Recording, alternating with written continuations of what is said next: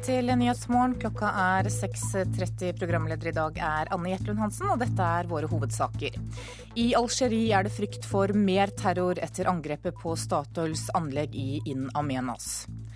Tallet på klager på anbudsfeil har stupt etter at regjeringen nidoblet avgiften. Og det kan få alvorlige følger, ifølge direktør Anneline Winsgaard i Klagenemnda for offentlige anskaffelser. Konsekvensen blir i korte trekk at eh, vi ikke får opp eh, viktige saker som kan avdekke at det offentlige har brutt regelverket på til dels eh, grove forhold. Den sterke krona får nordmenn til å velge feriebolig i Syden fremfor hytte på fjellet.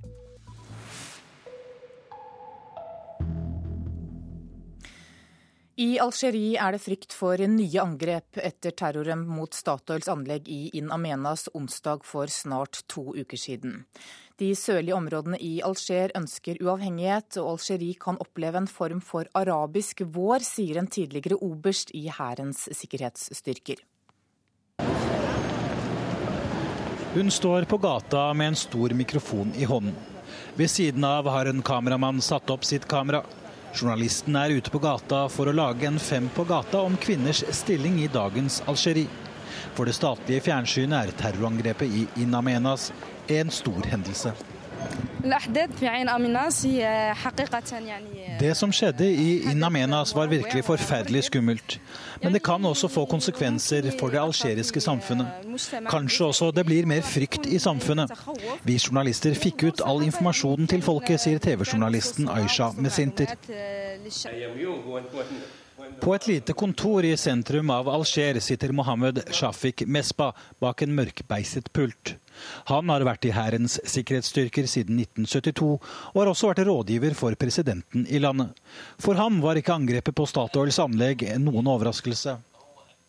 Men han ser en ny stor splittelse i landet komme.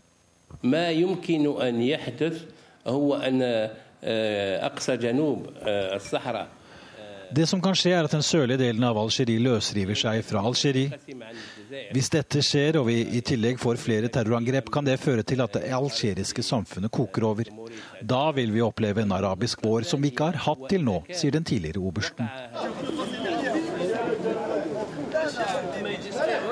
På et marked henger bluser og olabukser i alle farger fra en lang rekke utsalgsboder.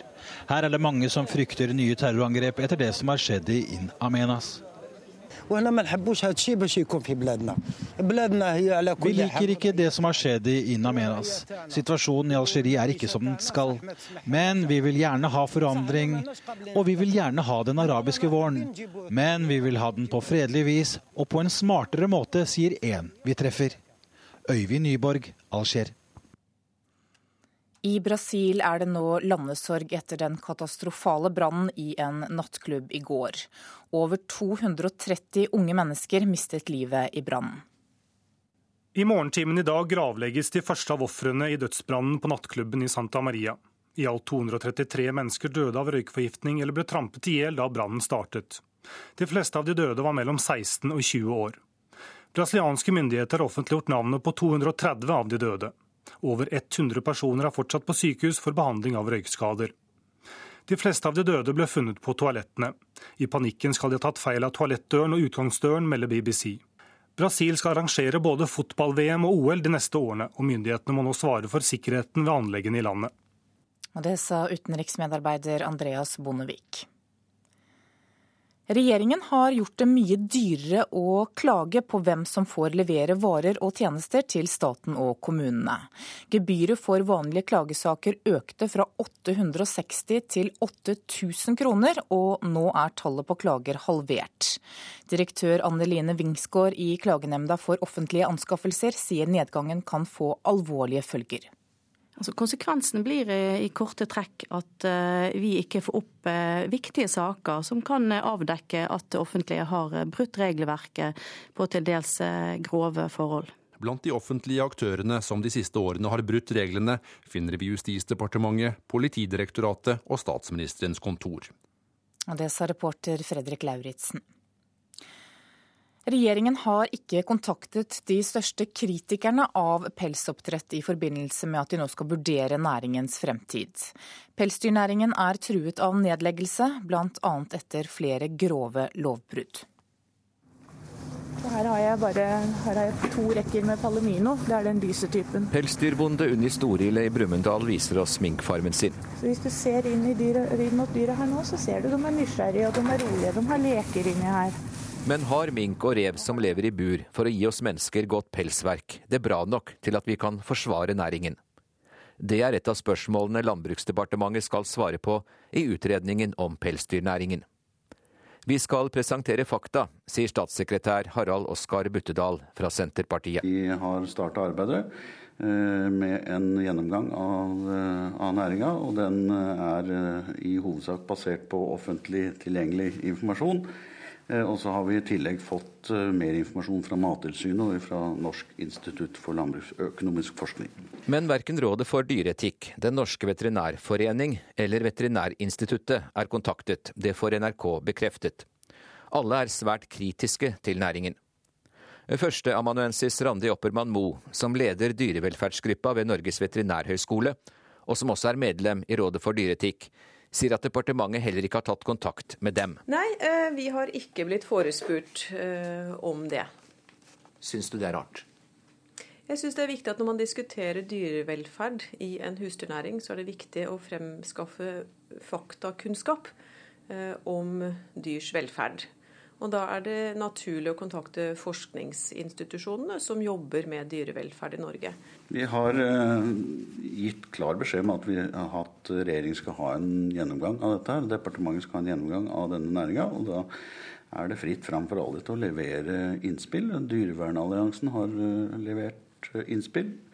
Og det er fullt mulig for andre til å gjøre det samme som ønsker det. Men hva er det dere skal se på når dere lager den utredningen? Ja, da skal vi se på øh, øh, er jo, altså Dyrevern er selvfølgelig en, øh, et viktig tema. Og der har vi jo inntrykk av at næringa opptrer seriøst. De som, er, de som er seriøse, er flinke. Det er næringskomiteen på Stortinget som skal få utredningen når den er ferdig. Komiteens leder, Terje Lien Aasland fra Arbeiderpartiet, sier at han forventer en bred og grundig gjennomgang av hele pelsdyrnæringen. I mellomtiden lurer rundt 300 pelsbønder i Norge på om de fortsatt skal få lov til å produsere pels, eller om de må begynne med noe helt annet.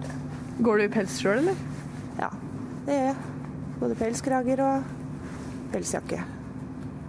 Så det har ikke noe problem å gjøre. Det er godt og varmt hvis det er kaldt. Og reportere her var Hans Jørgen Solli og Anette Strand Slettmoen. Norsk Folkehjelp åpner i dag et eget senter for au pairer. Det kommer stadig flere til Norge som au pair, og mange har ikke noe nettverk rundt seg. Det kan ofte være mange utfordringer, både for au pairene og for vertsfamiliene. Det sier Tale Waaler Eggen i formidlingsbyrået Atlantis Utveksling. Det aller meste går nok på kulturforskjeller. Det er vanskelig å komme til et nytt land, ny kultur, helt uh, nye vaner, og de skal settes inn i en ny familie. Og det er det jo også for familien. Det er vanskelig å få et, eh, et nytt menneske inn i huset. Det krever ganske mye innsats både fra familien og au pairen. Hvert år kommer om lag 3000 personer fra områder utenfor Schengen til Norge som au pair. Over 80% av disse kommer uten å ha kontakt med et byrå, og har dermed ikke noe nettverk rundt seg. Norsk Folkehjelp har derfor åpna et senter der au pairer og vertsfamilier kan ta kontakt dersom det skulle oppstå problem. Det kan ofte gå på at au pairen ikke blir betalt som hun skal. Hun får ikke lønn eller får ikke mulighet til å gå på norskkurs. Eh, men så ser vi også andre veien at vi blir kontaktet av familier der au pairene selv ikke ønsker å komme på norskkurs, og at man har forskjellige forventninger rett og slett til, til hva det vil si å være på kulturutveksling. Da aupairordninga kom i gang i 1969, var det kulturutveksling som var tanken bak. Men mye har endra seg siden den gang, og i dag nytter norske familier seg oftere av au pair fordi de vil lette tidsklemma. På samme tid søker au pairer et bedre liv og høyere lønninger enn i heimlandet. Det har vært flere historier i media om au pairer som har blitt utnytta som billig arbeidskraft. Evelyn Francisca er fra Peru og kom til Norge som au pair for ett år siden. Hun sier at det er viktig at en kjenner seg som en del av familien if you treat us as slaves or cheap workers, that you Dersom de behandler oss som slaver eller billig arbeidskraft fordi vi ikke kan språket og ikke kjenner rettene våre, så er ikke dette rettferdig. Eggen i Atlantis utveksling tror at senteret vil være spesielt viktig for au pairene. Jeg tror nok det ville kunne styrke rettighetene til au pairene ved å bevisstgjøre dem og ved å gi dem informasjon om hvilke rettigheter de faktisk har. For det er vanskelig for en au pair som kommer eh, for første gang til Norge eller for første gang til Europa, å vite hva de har krav på. Og reporter her, det var Marte Halsør. Velkommen til Nyhetsmorgen, Magnhild Otnes. Takk. Du skal ha det daglige ansvaret for dette senteret. Hvor stort er behovet for et slikt tilbud? Jeg tror det er veldig stort. Alle, det vi har hørt fra alle som jobber med dette, sier at man trenger et lavterskeltilbud. Et uavhengig sted som ikke er, eh, har noe med myndighetene å gjøre, hvor de kan komme og få rådgivning om både store og små saker. Hvordan er det å være au pair i Norge i dag? Man kommer jo veldig ofte fra et fattig land. Eh, det er jo noe av forandringen. Eh, før var det en europeisk ordning, nå er det veldig mye en ordning for unge kvinner, noen menn, som kommer fra fattige land til et rikt land. Og de kommer rett inn og bor hos en familie. Det er jo veldig også spesielt. Så jeg, jeg tror det er kjempestort behov for dette senteret. Hva kan dere tilby? Vi, kan, vi, er et rådgivningssenter. Som jeg sa, så er det et lavterskeltilbud. Det er veldig viktig. Og det er for au pairer og for eh, vertsfamilier. Og vi kan eh, ta for oss skattesaker, problemer rundt eh, arbeids, lange arbeidsdager. Og det som også Tale nevnte, dette med at man blir behandlet som en uh, hushjelp, som man jo ikke skal. Man skal være del av en familie. Pluss at vi har eh, kafékvelder, temakvelder og informasjonsmøter som skal bevisstgjøre au pairene på deres rettigheter, og også sikre at vertsfamiliene har den informasjonen de trenger i forhold til denne ordningen. Du, hvorfor engasjerer Folkehjelpa og Fagforbundet seg i dette her? Ja, Fagforbundet har jo vært i kontakt med au pairer tidligere og sett at her er det en del som misbrukes i denne ordningen. Og De tok kontakt med Norsk Folkehjelp, og vi fikk i gang da dette samarbeidsprosjektet.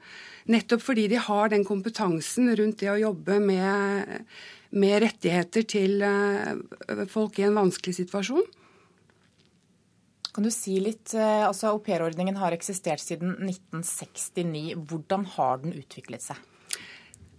Altså, jeg, jeg, er født i 1960. Når jeg var ung, så reiste veldig mange som au pairer til et europeisk land eller til USA. I dag har det snudd. Det har blitt mer en nord-sør-ordning, eller en sør-nord-ordning, hvor fattige mennesker kommer til, til, landet. Sånn at det blir også en veldig stor maktforskjell som ikke fantes der før, som er veldig viktig når man tenker på au pairer. Og at man må sikre at den ikke misbrukes fordi de har dårlig nettverk og har, kjenner ikke sine rettigheter. Og det er der vi kommer inn, at de skal kunne komme og høre er dette riktig, er dette feil. Og vi har jo også jurister med oss fra Fagforbundet som eh, veileder oss, og kan både oss og au pairen. Og Senteret det åpnes offisielt i ettermiddag. Takk skal du ha, Magnhild Otnes. Da skal vi ta en kikk på dagens aviser og se hva de har på forsidene sine i dag. Aftenposten skriver at det var en stor økning i tallet på klager fra pasienter som har fått behandling ved Akershus universitetssykehus i fjor. 50% flere av pasientene der tok kontakt med Norsk pasientskadeerstatning med krav om erstatning i fjor i forhold til året før. Og på landsbasis så er økningen på 18 Norge mangler 10 000 ingeniører, forteller Dagens Næringsliv. Bemanningsfirmaer blir nå tvunget til å dra utenlands på leting etter ingeniører som vil jobbe i Norge. De svakeste barna får ikke faglært hjelp på skolen, skriver Vårt Land. På fem år har det vært en kraftig økning i tallet på barn med spesielle lærebehov. Samtidig, samtidig er det aldri blitt brukt flere ufaglærte assistenter til å hjelpe dem. VG forteller om sjømannen Jan Trygve Hegeland som forsvant på havet for 30 år siden, og nå har politiet i Wales åpnet en grav for å se om det kan være der den norske sjømannen ligger begravet. Bergenserne er bekymret for luftkvaliteten, ifølge Bergens Tidende. To av tre krever tiltak som virker, og datokjøring er mest populært, viser en undersøkelse. Fellesforbundet vil redusere bruken av innleid arbeidskraft, er Klassekampens toppsak. Forbundet mener bedriftene har et bruk- og kastforhold til utenlandske arbeidere. Slik er NHO-sjefens egen gullpensjon, forteller Dagsavisen. NHO betaler inn over en halv million kroner i innskudd til direktør Kristin Skogen Lund hvert år, mens vanlige ansatte får et årlig innskudd på 9000 kroner. Også Finansavisen fokuserer på pensjon i dag. Private innskudd gir deg smuler i pensjon, ifølge avisa. Alf Vik, som er en av de omkomne etter terrorangrepet i Algerie, etterlater seg tre sønner, og sønnen Tim på 16 år minnes faren i et åpent brev i Bergensavisen i dag, der han beskriver faren som et forbilde. Stavanger Aftenblad skriver at det foreslås å få et eget medisinstudium i Stavanger. Sykehuset i byen kan ta imot 50 studenter i året, ifølge en studie. Og Sørlendinger vil ha Erna, det forteller Nasjonen. Høyre-leder Erna Solberg har dobbelt så stor oppslutning som statsminister Jens Stoltenberg på Sørlandet. Lenger nord i landet så står Stoltenberg fortsatt sterkt.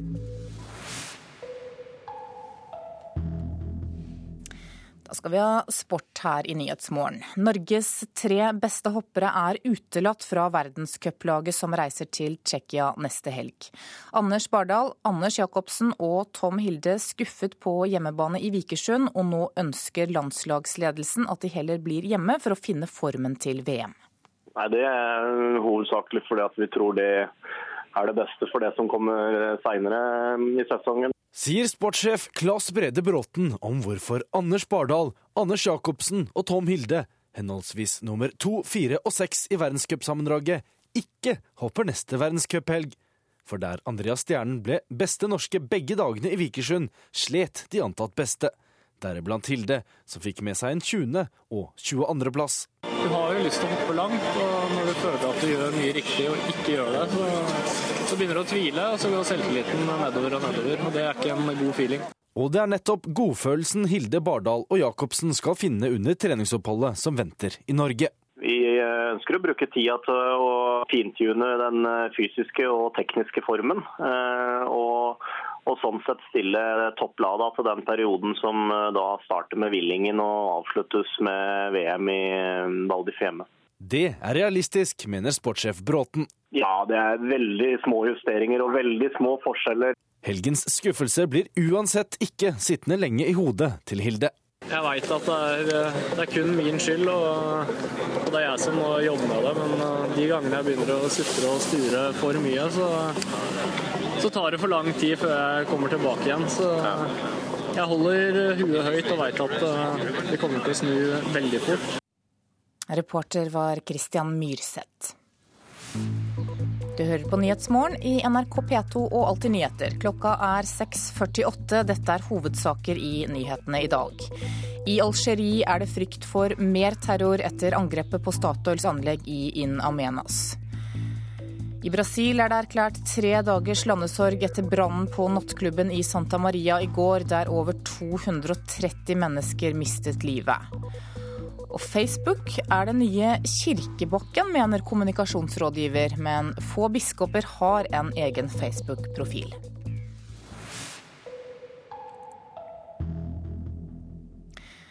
Sterk krone i forhold til euroen får nordmenn med hytteplaner til å rette blikket mot Syden fremfor kysten eller fjellet her hjemme. For nå er det mulig å gjøre gode kjøp i varmere strøk. Vi har nå falt for å, å, sitte her og se den utsikten enn å, å stå på Sjusjøen og, og måke snø. Jørgen Gilberg viser oss utsikten fra leiligheten i Spania, som han har kjøpt sammen med familien. Men før de kom så langt, sjekket de først hytter langs norskekysten, for så å kaste blikket mot fjellheimen. Og Da sonderte vi terrenget på markedet eh, rundt eh, Sjusjøen-området, og begynte å se at det var, det var boligpriser på hytter som skal brukes litt dann og vann. De er i godt selskap når de droppet den norske hyttedrømmen for å reise sydover. I fjor brukte rundt 4500 nordmenn en sterk norsk krone til å gjøre det samme, viser tall fra Norsk Megling. I år forventes tallet å bli 5000. Øverst på lista troner Spania, som kan lokke med lave boligpriser.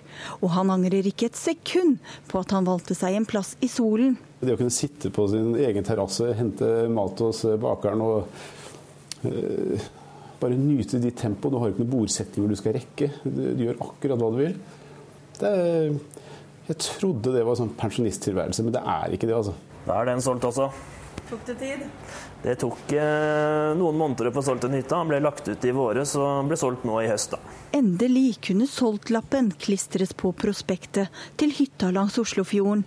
Og den er ikke alene om å ligge lenge ute til salgs, bekrefter leder av Østfold Eiendomsmeglerforbund, Amund Tvete Hermansen. Det er et veldig kresent eh, marked. og Hytter som har noe spesielt ved seg, er de som er lettest å selge. og Det er lettere å selge en bra hytte til 10 millioner enn en eh, dårlig hytte til to. De siste to årene har antall solgte hytter ved sjøen ligget på rundt 1300 her i landet, og salget har stagnert.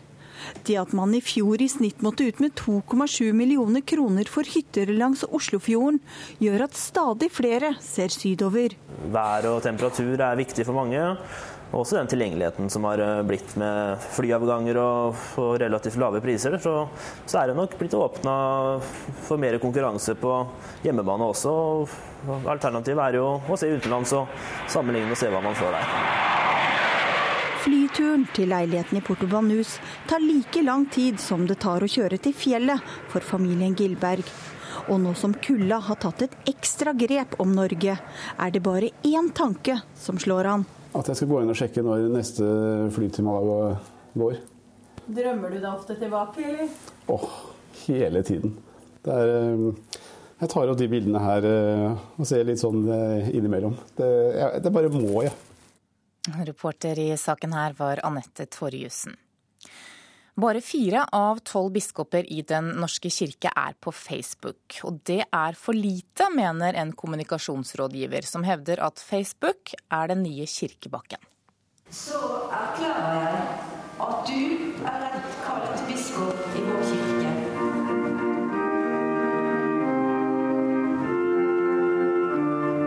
I går ble Stein Reinertsen vigsla til biskop i Kristiansand domkirke. I likhet med sju av sine biskopkollegaer er ikke den ferske biskopen i Agder og Telemark på Facebook. Jeg har vurdert, men ikke besluttet hva jeg kommer til å gjøre. Så fram til nå har vi stått på tid, tenker jeg. Altså, har jeg hatt tid til det, eller er det riktig bruk av tiden? Det har kanskje vært den viktigste utfordringen. Rundt 60% av befolkningen er på Facebook hver dag, men bare fire av landets tolv biskoper er til stede på nettsamfunnet. Flere av de burde ha vært der. Sier kommunikasjonsrådgiver Alf Tore Meling og medforfatter av boka 'Sosiale medier i all offentlighet'. Og jeg ser jo det at Måten de er på Facebook i dag, eh, det at de er der som, som med sin private profil. Og når jeg tenker på sosiale medier, så tenker jeg jo mye mer som at de kan bruke det som et målretta kommunikasjonsverktøy. da. På Facebook kan biskopene tale kirkas sak, delta i debatter og ivareta og bygge kirkas omdømme. Men vel så interessant, synes Meling, er biskopenes åndelige rolle. Der de kan bruke sosiale medier til å spre det kristne budskap og veilede sin, sine folk, eller befolkningen, eller hva vi skal si trøste i forhold til kriser. Vi har jo dessverre opplevd noen stygge kriser der jeg syns biskopene kunne vært til stede eh, absolutt i sosiale medier i den forbindelse. I gamle dager så var det jo å møte menigheten på, på kirkebakken sant? eller i, eh, i, kirkene. Men her er det jo virkelig muligheter til å nå ut mye, mye bredere. Biskop Tor Berger Jørgensen i Sør-Hålogaland er en av biskopene som bruker Facebook aktivt. Eh, jeg prøver jo å si til mine kolleger at dette, både som biskop og for så vidt i kirkelig tjeneste for øvrig, er eh, denne kanalen Facebook en av flere muligheter og kommunikasjonsmåter som vi kan benytte oss av. Så jeg håper jo at flere gjør, kan gjøre det, fordi vi er jo med på et annet bilde av hva vi er opptatt av og hva vi driver med i vår kirkelige virksomhet. Øh, og overfor øh, mange som vi ellers ikke vil nå kunne nå på samme måten. Så jeg syns dette er et godt kommunikasjonsmiddel, og prøver å få biskopene til å, å, bli med på det. Alf Tore Meling sier det er utfordringer også ved å være til stede på Facebook. Driften av sosiale medier kan jo eh, innebære utfordringer. Eh, F.eks. hvis noen henvender seg direkte til de på Facebook-sidene med, med, med informasjon om seg sjøl. Reporter var Miriam Grov. I dag åpner et nytt musikkstudio for ungdom i Dakar, som er hovedstaden i Senegal. Dette er en helt ny form for bistand. Et samarbeid mellom den norske organisasjonen Plan og en svensk hiphop-stjerne. So my name is uh, Jason, and I'm a rapper from Sweden. And when I rap, I call myself Timbuktu. Rapperen Timbuktu åpner i dag et nytt hiphop-studio for ungdom. Det skjer i Dakar, hovedstaden i Senegal. Det finnes et fruktansvært interesse for musikk, og spesielt for hiphopmusikk. Altså, I alle aldre finnes det et interesse for det. Men mange er fattige. Derfor har Timbuktu og den norske bistandsorganisasjonen Plan bygd et hiphop-studio for unge talenter i slummen.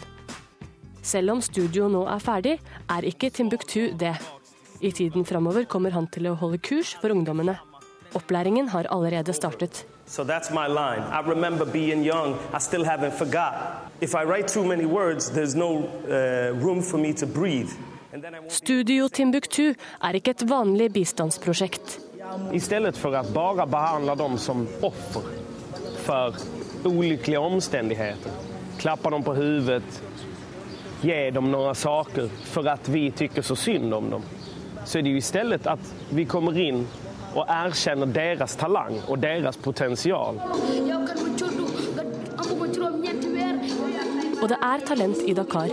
Masse talent. Det sies, dette her er ikke bekreftet, det sies at det finnes 2000 band som driver med hiphop bare i Dakar. Eh, hvilket gjør det til en større hiphop-by enn New York og Los Angeles til sammen. Det er litt tøft. Det forteller Arne Berg, programleder for musikkprogrammet Jungeltelegrafen og NRKs ekspert på afrikansk musikk. Så Senegal har vært liksom det landet i Afrika som har vært viktigst uh, for utvikling av afrikansk hiphop, sammen med Sør-Afrika kanskje.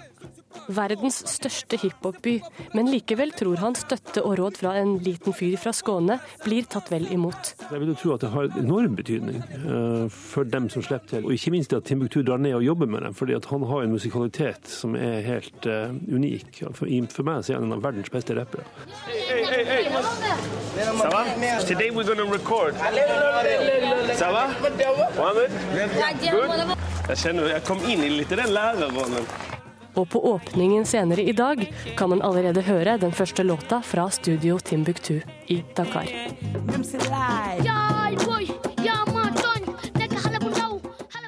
Og reporter her, det var Ina Strøm.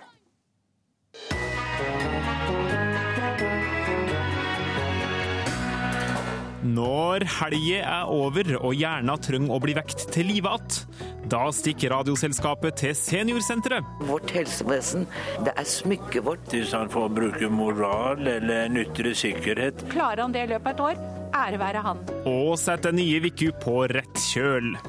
Radioselskapet klokka 11. Da skal vi se på et værvarsel som gjelder til midnatt. Fjell i Sør-Norge kan vente seg skyet eller delvis skyet vær i dag. Enkelte snøbyger i vest, ellers stort sett opphold. Østland og Telemark stort sett opphold og lokal tåke. Agder spredte regnbyger i vest, snøbyger over ca. 500 meter, ellers stort sett oppholdsvær. Rogaland og Hordaland fra i ettermiddag sørlig liten kuling på kysten. Sent i kveld økning til stiv kuling, skyet eller delvis skyet. Enkelte regnbyger og snø over 600 meter. Det er ventet flest byger i nord. Sogn og Fjordane sørlig liten kuling på kysten. Fra i ettermiddag stiv til sterk kuling, for det meste skyet. Regnbyger og snøbyger over 300 meter. I kveld er det ventet minkende bygeaktivitet. Møre og Romsdal økning til sørvestlig stiv kuling ytterst på kysten. I kveld minkende. Perioder med litt regn i ytre strøk og på Sunnmøre, ellers stort sett opphold. Trøndelag i formiddag økning til sørvestlig stiv kuling ytterst på kysten. Litt snø. Regn i ytre strøk. Fra i ettermiddag oppholdsvær, men fortsatt litt nedbør nord for Trondheimsfjorden.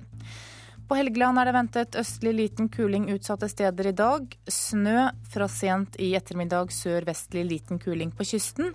Regnbyger, snø i indre og høyereliggende områder. Saltfjellet, Salten, Lofoten, Ofoten og Vesterålen østlig stiv kuling utsatte steder. Fra i ettermiddag liten kuling. Litt snø vesentlig i indre strøk og i Lofoten. Troms sørøstlig liten kuling utsatte steder. Litt snø av og til i indre strøk, ellers skyet oppholdsvær. Finnmark på kysten enkelte snøbyger, ellers til dels pent vær, og fra i ettermiddag skyet eller delvis skyet oppholdsvær.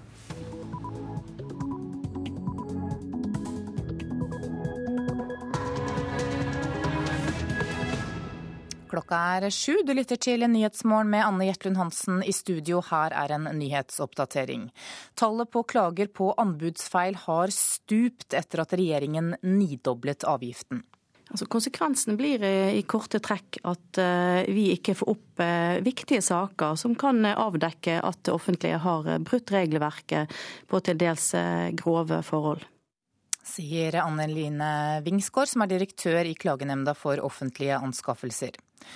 Åtte av ti nordmenn er medlem av et sosialt nettverk, men få vet hva som egentlig skjer med informasjonen de deler på nett.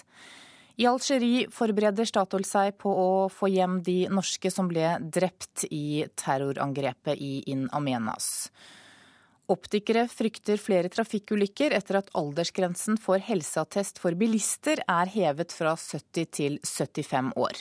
Hvor lenge er det siden du satt deg i en eh, sånn kjøreskolebil, eh, Arne? Det er 1.9.61. Eh, da tok jeg lappen. Ja, og Senere i sendingen så får vi vite om Arne Strand besto testen. Regjeringen har gjort det mye dyrere å klage på hvem som får levere varer og tjenester til staten og kommunene. I fjor sommer økte gebyret for vanlige klagesaker fra 860 til 8000 kroner, og det har ført til at tallet på klager har stupt. Blomsterkjeden Mester Grønn er en av dem som har vunnet frem med sin klage. Og så har vi gåsungene, som også er typisk for årstiden nå. Kundeansvarlig Monica Neve viser frem grener og blomster i en Mester Grønn-butikk. Og så har vi jo roser. Kommer tilbake for fullt i alle regnbuens farger. Da skatteetaten skulle få ny blomsterleverandør, tapte Mester Grønn anbudsrunden. Men ifølge Neve var det noe som ikke stemte. Fordi vi visste at eh, det var begått en feil. Vi visste vi hadde rett. Det var viktig for oss å klage. Klagen gikk til KOFA, Klagenemnda for offentlige anskaffelser, som slo fast at skatteetaten ikke hadde fulgt reglene. Men skatteetaten er ikke alene. Blant de offentlige aktørene som de siste årene har brutt reglene, finner vi Justisdepartementet, Politidirektoratet og Statsministerens kontor. Og derfor klager folk. I fjor hadde klagemengden blitt så stor at Fornyingsdepartementet nidoblet gebyret for å minske klagebunken. Vi har merket eh, en stor eh, nedgang i eh, antall klagesaker. Sier direktør i KOFA, Anne Line Wingsgård. Før den kraftige avgiftsøkningen kom det i snitt 28 klager per måned. Etter sank snittet til 11. Så det økte klagebyret har helt klart økt terskelen for å klage. Hvert år handler det offentlige for 400 milliarder kroner. Dersom folk lar være å klage fordi det er for dyrt, kan det få alvorlige følger, ifølge Wingsgård. Altså, konsekvensen blir i korte trekk at vi ikke får opp Viktige saker som kan avdekke at det offentlige har brutt regelverket på til dels eh, grove forhold. Monica Neve i Mester Grønn mener at å klage kan være det samme som å varsle.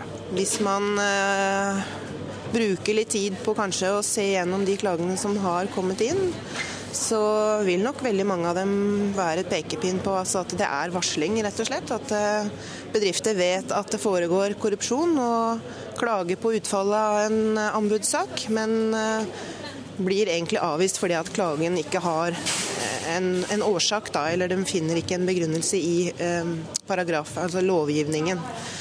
Og vi vet at det foregår eh, en del ting der ute som ikke er bra. Reporter var Fredrik Lauritzen. Statssekretær Tone Toften i Fornyings-, og administrasjons- og kirkedepartementet. Tallet på klagesaker er altså mer enn halvert etter at gebyret ble økt. Betyr det at dere har oppnådd det som dere ønsket?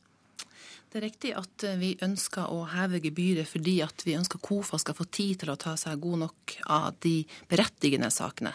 Sånn som situasjonen var, så fikk KOFA inn rundt 30% av saker som var ikke berettiget, og som det ikke var noe i å gå videre med. Og for å ta ned den saksmengden, så er det viktig for oss å få heve gebyret.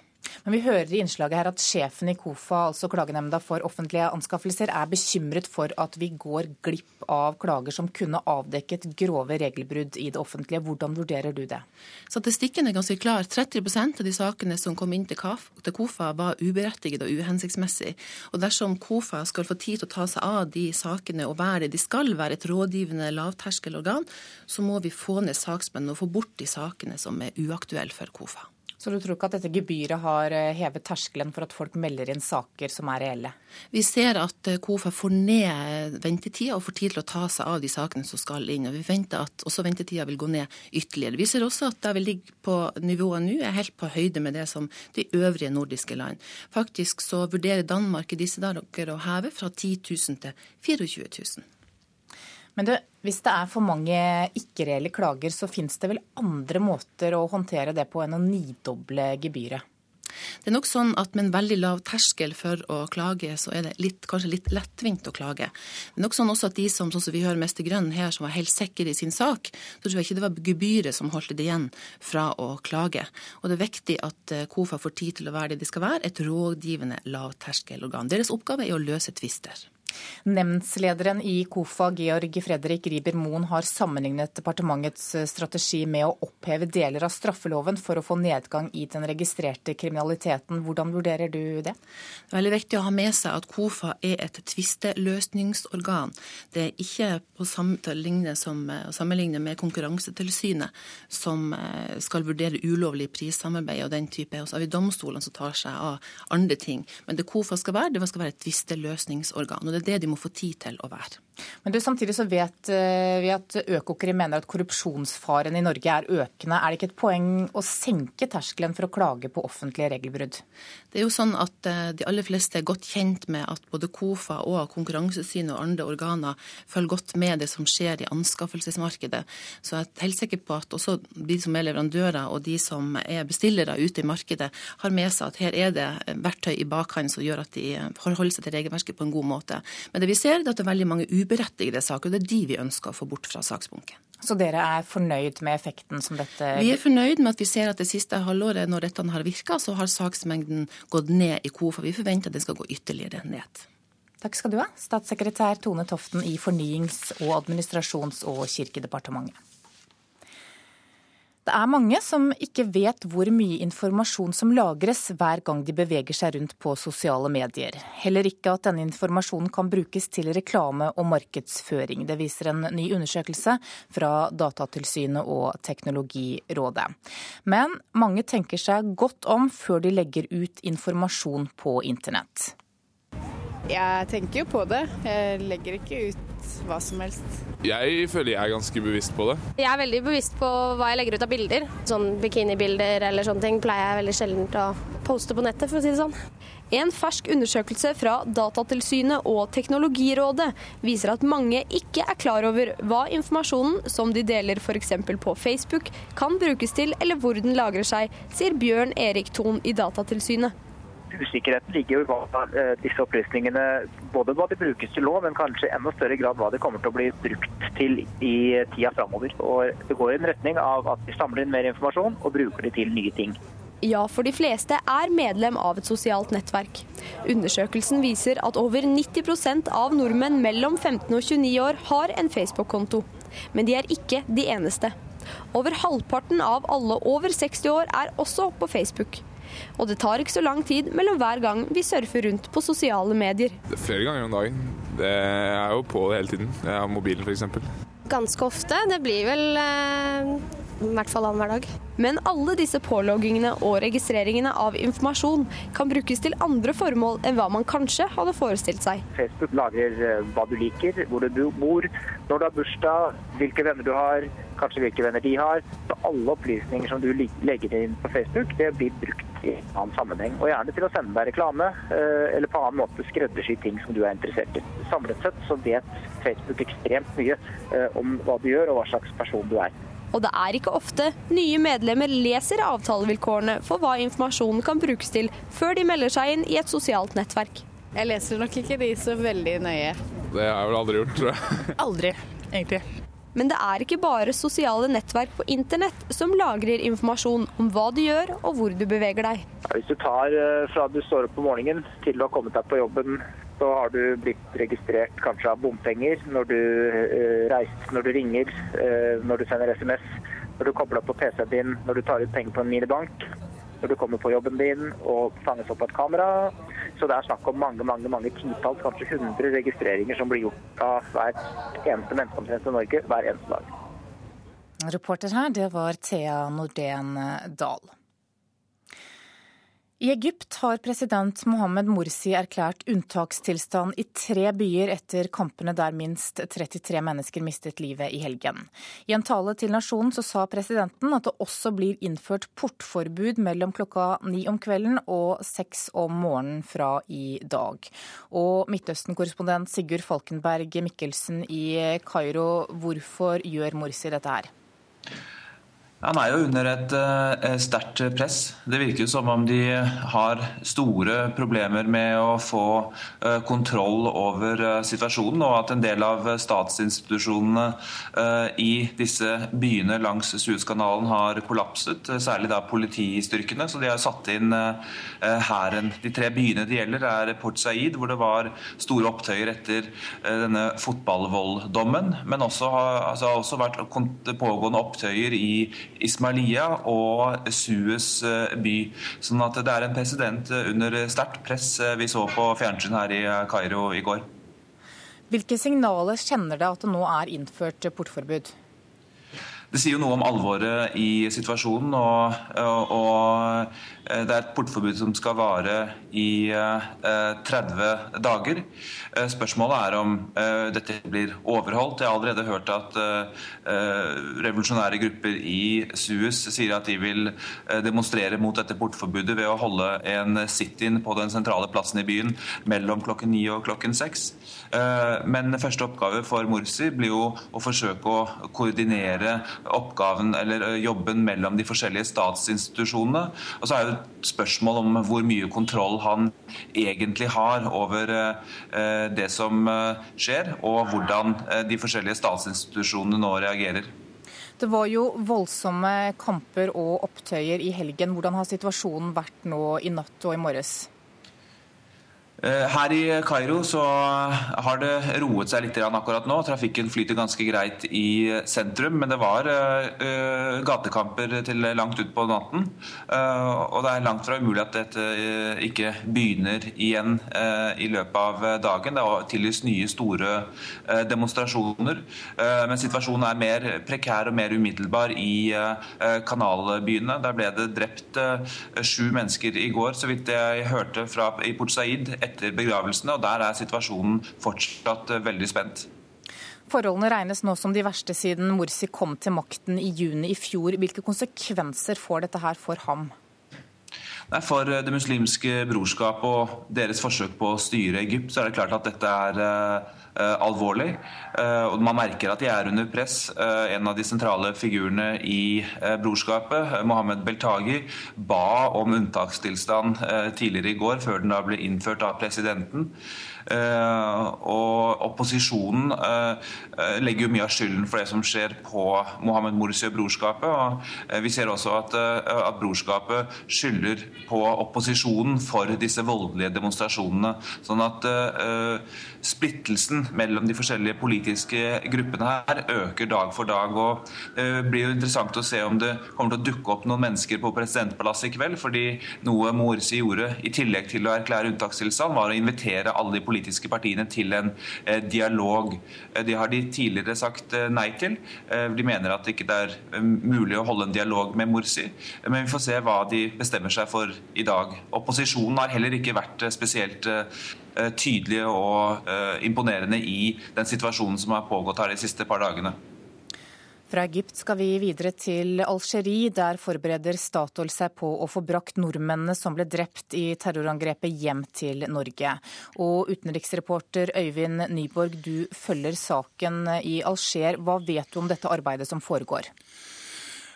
For at Statoil skal eh, sende eh, bårene med de fem hjem til Norge, så eh, er det klart at den siste savnede nordmannen skal måtte identifiseres. Og nå om en snau time så gjenopptar gruppen med norske identifikasjonseksperter sitt arbeid, som har pågått her på gravlunden i Alger. Og dette er planlagt som gruppas siste dag. Arbeidet med den siste har har vært eh, krevende. Eh, og i ettermiddag så vil de gjøre opp en status. Men det er samtidig klart at Kripos-folkene ikke reiser herfra før den siste savnede nordmannen er endelig identifisert. Og det er eh, landsjef Viktor Sneberg som er den siste savnede. Og han var jo ikke på anlegget til vanlig, men var der i en delegasjon med andre ledere for å få til et møte om en utvidelse av operasjonen i Inamenas. Det er litt dårlig lyd på deg, men vi prøver litt til. Er det satt i verk spesielle sikkerhetstiltak i Algerie etter det kraftige angrepet i Inamenas? Algerie er eh, et sted eh, med eh, væpnet politi og sikkerhet på hvert eneste gatehjørne. Dette er jo et lukket, autoritært land som har bestemt seg for å slå ned på alt islamistisk væpnet opprør. Algerie har jo også en nær historie med borgerkrig der 200 000 ble drept. og Det er jo en identifikasjon på hvorfor terroristene ble møtt med så hard motstand under terroraksjonen i In også. Folk her frykter flere angrep, også pga. situasjonen i Nord-Mali. Hva skjer på Statoils anlegg eh, nå, det som ble angrepet altså for eh, snaue to uker siden? Eh, selve anlegget ryddes. Det ryddes bl.a. for miner. og Dette er jo et stort anlegg. og Boområdet er helt lukket, og strømmen der har vært avstengt. Eh, men eh, algeriske myndigheter planlegger å vise fram anlegget for utenlandsk presse denne uka. og Det betyr at mye kan være klart nå, og at eh, Algerie vil vise oljeselskapene at dette er et trygt sted å komme tilbake til. Men per nå så har Statoil ingen operasjon i Algerie, og de vurderer om de i det hele tatt skal fortsette. Det vil de gjerne, men først vil de ha svar på hva som skjedde under terrorangrepet, og de vil være sikre på at sikkerheten der er godt nok ivaretatt. Takk skal du ha, Øyvind Nyborg i Algerie. Klokka er 7.17. Du hører på Nyhetsmorgen i P2. Dette er hovedsaker i dag. Regjeringen har nidoblet gebyret for å klage på regelbrudd i det offentlige. Siden er klagene mer enn halvert. Statoil forbereder seg, som vi hørte, på å få hjem de norske som ble drept i terrorangrepet i Algerie. Åtte av ti nordmenn er på sosiale medier, men få vet hva som skjer med informasjonen de deler.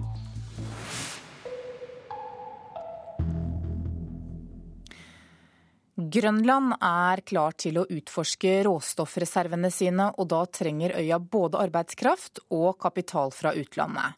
Rundt 4000 kinesere har meldt sin interesse til et jerngruveprosjekt til rundt 14 milliarder danske kroner. Men mange dansker var bekymret da lederen av det grønlandske selvstyret besøkte København. Kokken og nøgde gjester diskuterer tirsdagsmiddagen på Det grønlandske hus midt i København. Hansine og Simine liker seg i Danmark, men synes ikke danskene skal legge seg opp i råstoffdebatten på Grønland. Kommende generasjon skal jo ha noe å leve for. Grønland er også nødt til å tjene selv. Nettopp retten og muligheten til å sette i gang gruveprosjekt står øverst på agendaen til Kupi Kleist, lederen av det grønlandske selvstyret. Råstoffressursene i undergrunnen skal gjøres om til jobber og økonomisk vekst. Grønland har derfor vedtatt en lov som regulerer utvinningsprosjekt verdt mer enn 5 milliarder danske kroner.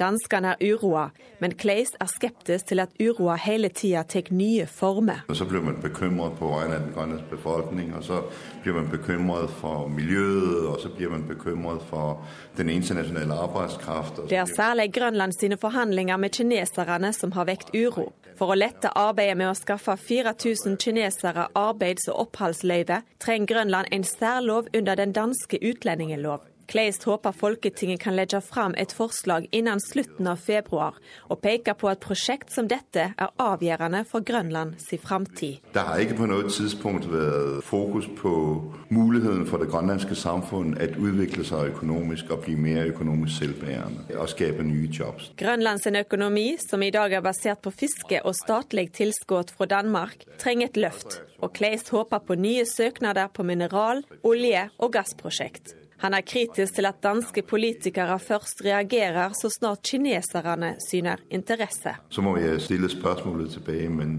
hva har I gjort for å involvere dere selv? Clay sier det grønlandske selvstyret gjør alt for å sikre at inntektene av et eventuelt råstoffeventyr kommer alle grønlendere til gode.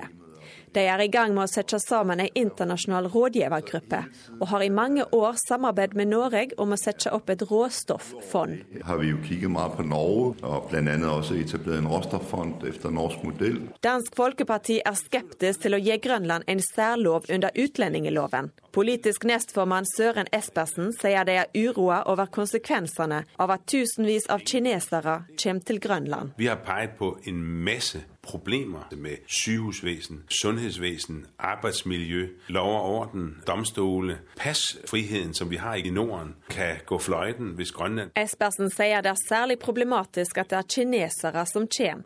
Han sier amerikanerne òg er urolige over at Kina får tilgang til Arktis.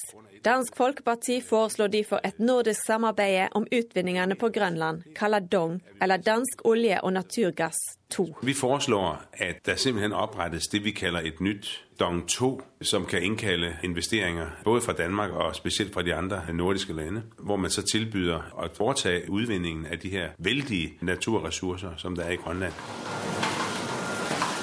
Og det smakte godt? Det smakte riktig, riktig godt. Tilbake på Det grønlandske hus er middagen slutt, men framtida til Grønland ligger åpen. Nå skal jeg finne i også olje. ja, ja. Det, det har vi håpet i mange år.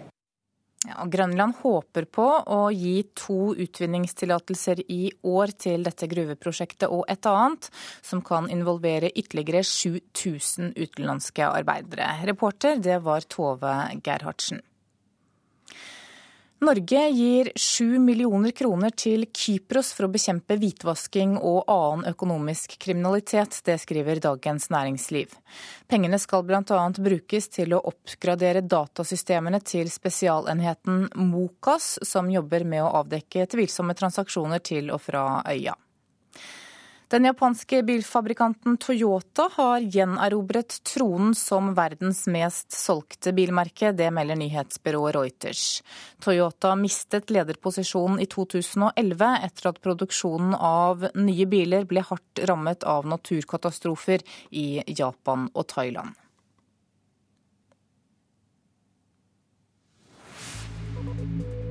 Da skal vi ta en kikk på dagens aviser og se hva de har på forsidene sine i dag. Aftenposten skriver at eh, det var en stor økning i tallet på klager fra pasienter som har fått behandling ved Akershus universitetssykehus i fjor.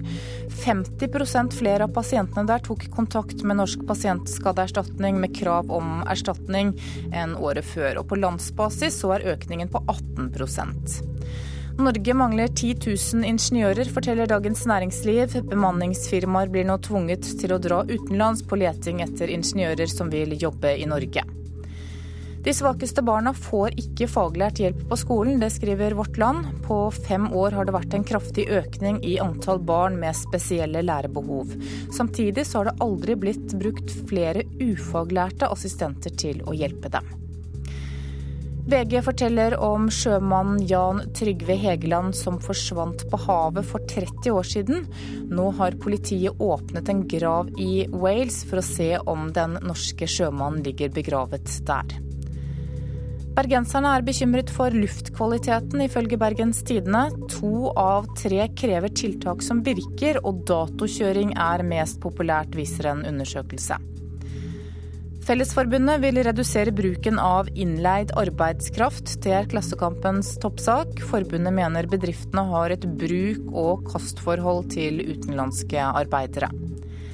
Slik er NHO-sjefens egen gullpensjon, forteller Dagsavisen. NHO betaler inn over en halv million kroner i innskudd til direktør Kristin Skogen Lund hvert år, mens vanlige ansatte får et årlig innskudd på 9000 kroner. Også Finansavisen fokuserer på pensjon i dag. Private innskudd gir deg smuler i pensjon, ifølge avisa. Alf Vik, som er en av de omkomne etter terrorangrepet i Algerie, etterlater seg tre sønner, og sønnen Tim på 16 år minnes faren i et åpent brev i Bergensavisen i dag. Der beskriver han faren sin som et forbilde på alle måter. Stavanger Aftenblad skriver at det foreslås å få et eget medisinstudium i Stavanger. Sykehuset i byen kan ta imot 50 studenter i året, ifølge en studie. Sørlendinger vil ha Erna, det forteller Nasjonen. Høyre-leder Erna Solberg har dobbelt så stor oppslutning på Sørlandet som statsminister Jens Stoltenberg. Lenger nord i landet står Stoltenberg fortsatt sterkt.